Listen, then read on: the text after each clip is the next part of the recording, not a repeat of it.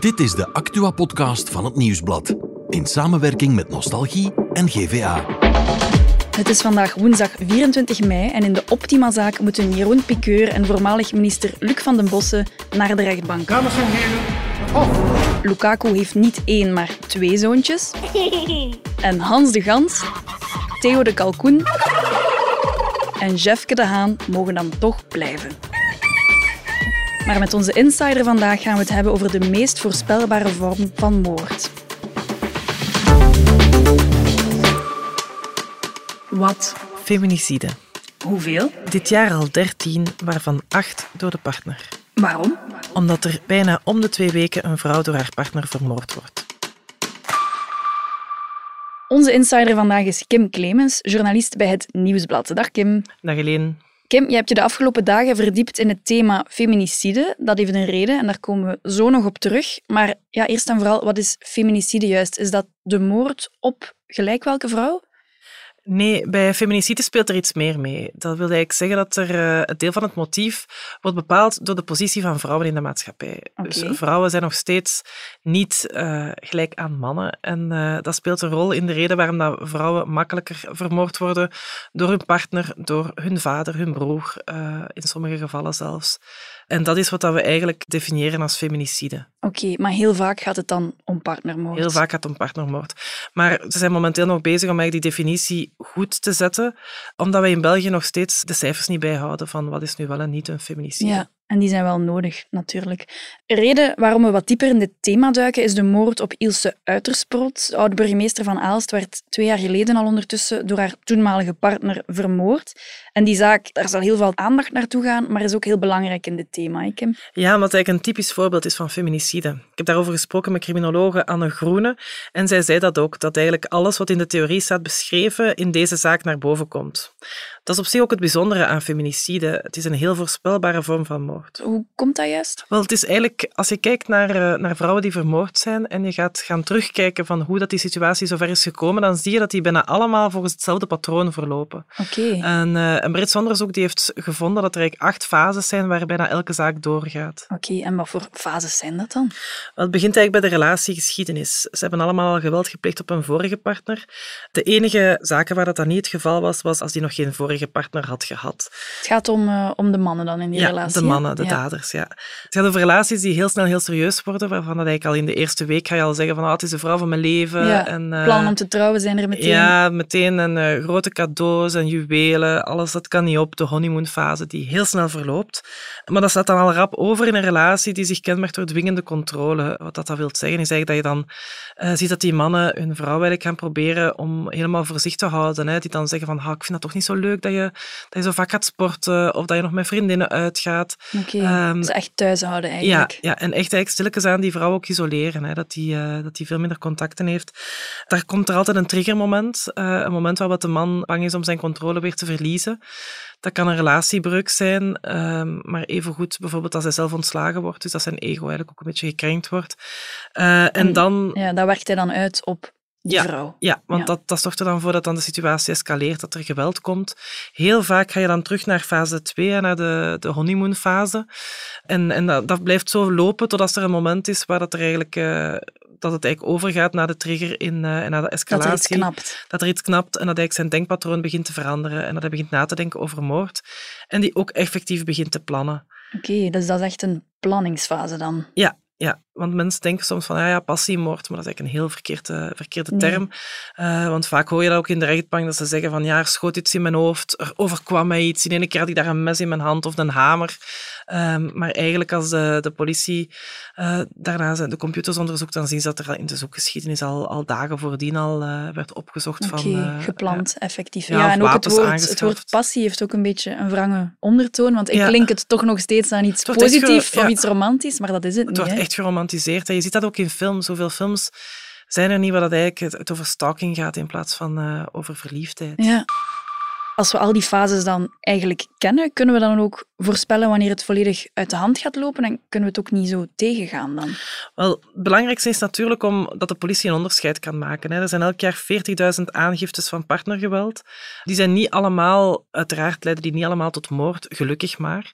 Uh, maar het is eigenlijk een kwestie van de risicovolle situaties eruit proberen te halen. Ja, maar dat lijkt heel moeilijk. Want hoe kan ja, de politie of, of specialisten het onderscheid maken tussen waar het uit de hand kan lopen en waar niet. Dat is eigenlijk het belangrijke aan dat werk van, eh, van criminologen, zoals bijvoorbeeld ook Anne Groenen, hè, die, uh, die die fases voor België ook op punt aan het stellen is. Um, maar daaruit blijkt ook, ze hebben al onderzocht dat er bepaalde extra risicofactoren zijn. Bijvoorbeeld, als je al ooit eens bedreigd bent geweest door een wapen, dan, wacht, ik heb de, cijfers hier ergens liggen hoor, um, dan heb je 18,5 keer meer kans om gedood te worden. Als je ooit al eens wurgseks hebt gehad, is de kans 6,7 keer groter. Als de partner dat gedrag dus effectief vertoont, dan vergroot de kans dat je vermoord wordt met zes keer.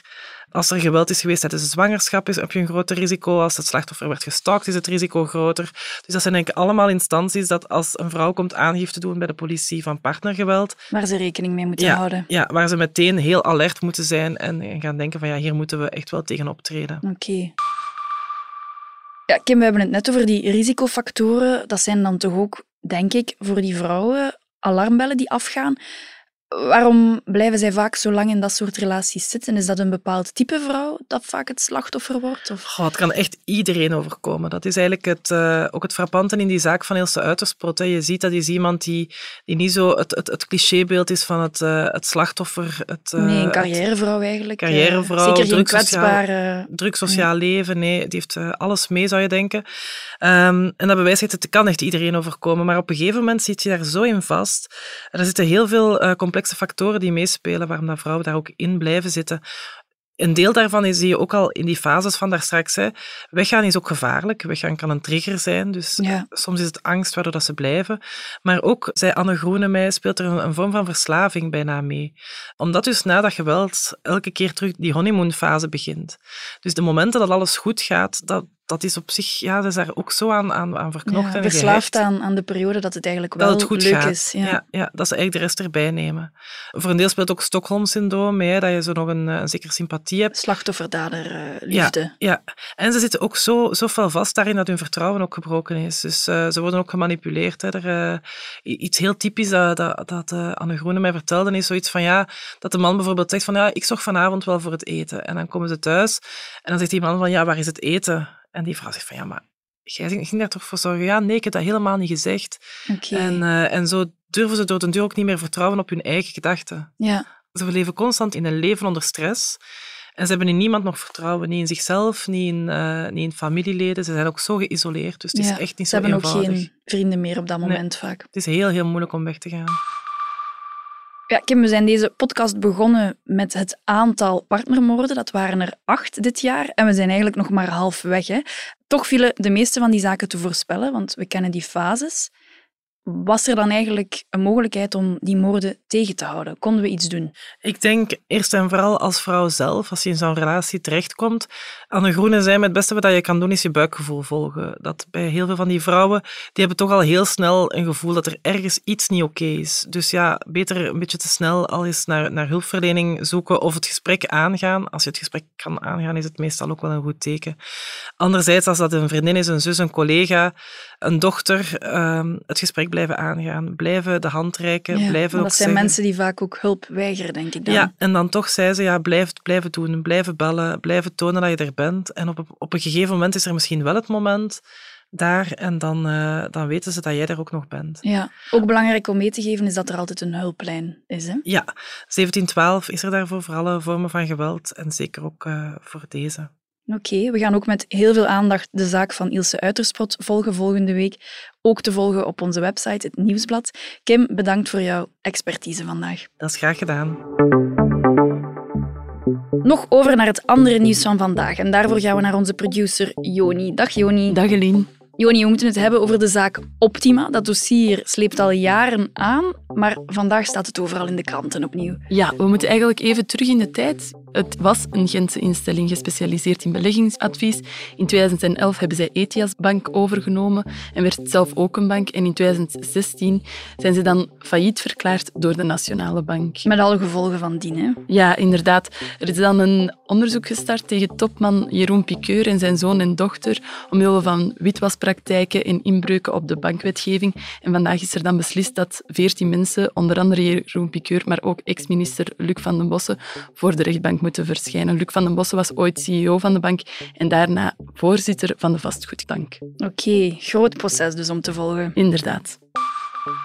En dan nieuws uit het voetbal, of toch van een voetballer. Want Romelu Lukaku heeft niet één, maar twee zoontjes. Ja, Lukaku heeft het bestaan van zijn jongste zoontje meer dan een jaar kunnen geheim houden. In One for All, de docuserie over de Rode Duivels, volgen ze Romelu Lukaku en daar praat hij over kinderen, dus in het meervoud. En dat is wel verrassend, want niemand wist dat er twee kinderen waren. Naast Romeo is er nu dus ook Jordan. En ook En- ehm, en de mama, is die eigenlijk in het vizier? Nee, die is nog nooit bekend geweest en dat gaat ook zo blijven, zegt hij. Maar ook bijvoorbeeld het vorige zoontje heeft hij ook lang geheim gehouden. Oké, allen kijken naar de docu dus. En dan eh, ja, vrolijk nieuws uit de regio, of toch voor een aantal eh, actoren.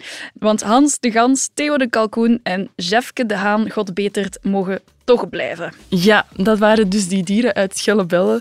Begin mei had de vrederechter beslist dat die voor te veel geluidsoverlast zorgde. De vrederechter heeft toen tijd gegeven tot eind mei om die hinder op te lossen en dat is gebeurd. En wat is dan uiteindelijk de oplossing nu? Ja, ze hebben hun kot geïsoleerd, een wittentoek gehangen. De dieren slapen s'nachts op hok. En ehm, het finale oordeel van de vrederechter is dus dat ze mogen blijven. Oké, goed nieuws dus. Bedankt Joni en morgen zijn we er opnieuw met een nieuwe The Insider.